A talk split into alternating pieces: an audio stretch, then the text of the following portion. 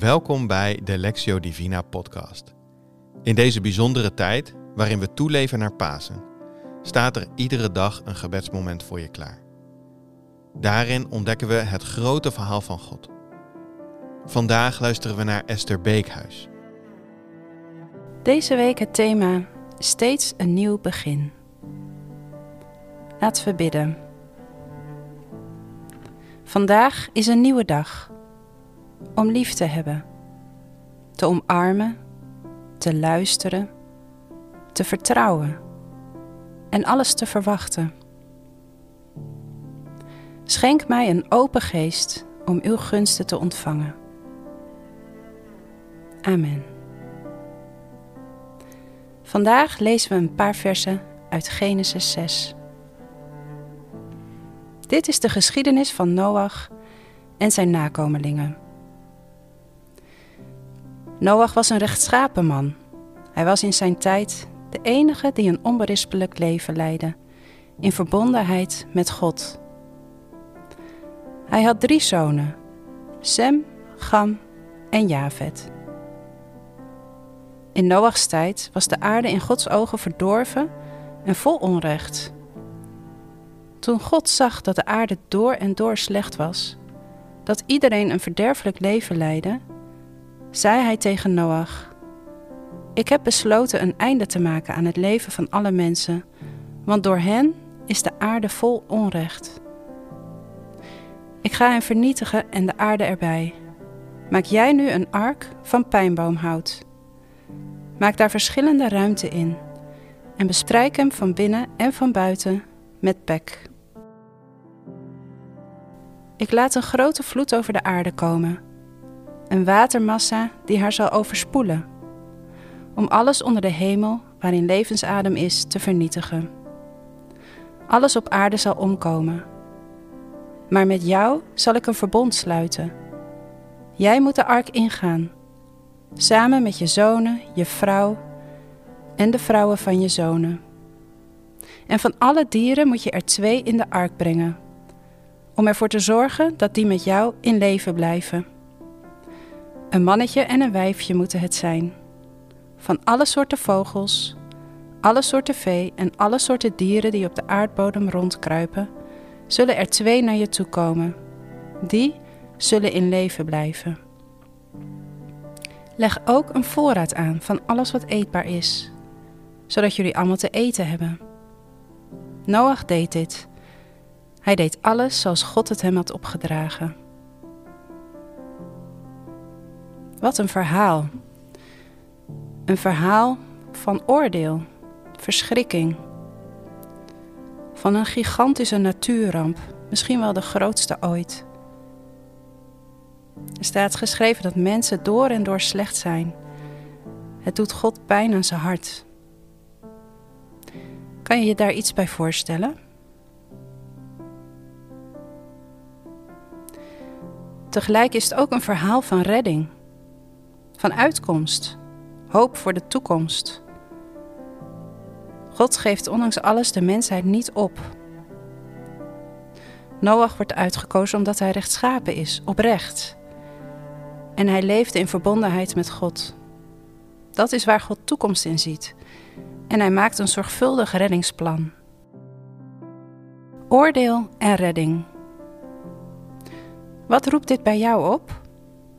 Wat doet dit verhaal met jou? We lezen het nog een keer. Dit is de geschiedenis van Noach en zijn nakomelingen. Noach was een rechtschapen man. Hij was in zijn tijd de enige die een onberispelijk leven leidde, in verbondenheid met God. Hij had drie zonen, Sem, Gam en Javet. In Noachs tijd was de aarde in Gods ogen verdorven en vol onrecht. Toen God zag dat de aarde door en door slecht was, dat iedereen een verderfelijk leven leidde, zei hij tegen Noach: Ik heb besloten een einde te maken aan het leven van alle mensen, want door hen is de aarde vol onrecht.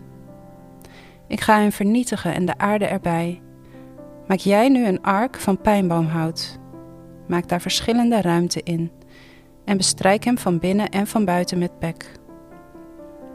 Ik laat een grote vloed over de aarde komen, een watermassa die haar zal overspoelen, om alles onder de hemel waarin le levensadem is te vernietigen. Alles op aarde zal omkomen. Maar met jou zal ik een verbond sluiten. Jij moet de ark ingaan, samen met je zonen, je vrouw en de vrouwen van je zonen.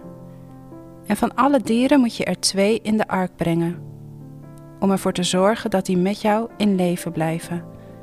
Een mannetje en een wijfje moeten het zijn. Van alle soorten vogels, alle soorten vee en alle soorten dieren die op de aardbodem rondkruipen, zullen er twee naar je toe komen. Die zullen in leven blijven. Leg ook een voorraad aan van alles wat eetbaar is, zodat jullie allemaal te eten hebben. Noach deed dit. Hij deed alles zoals God het hem had opgedragen.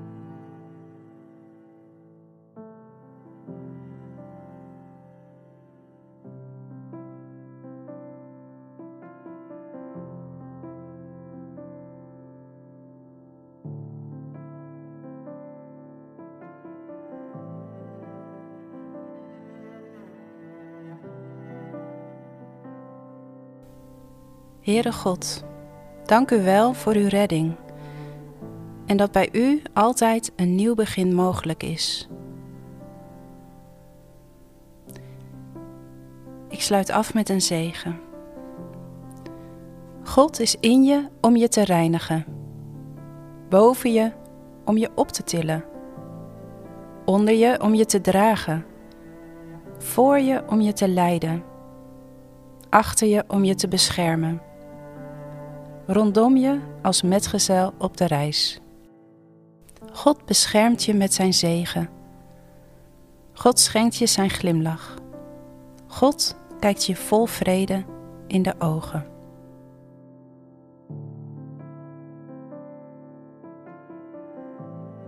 Je hebt geluisterd naar het gebedsmoment met Esther Beekhuis. Samen ontdekken we het grote verhaal van God en leven we toe naar Pasen. Hopelijk tot morgen.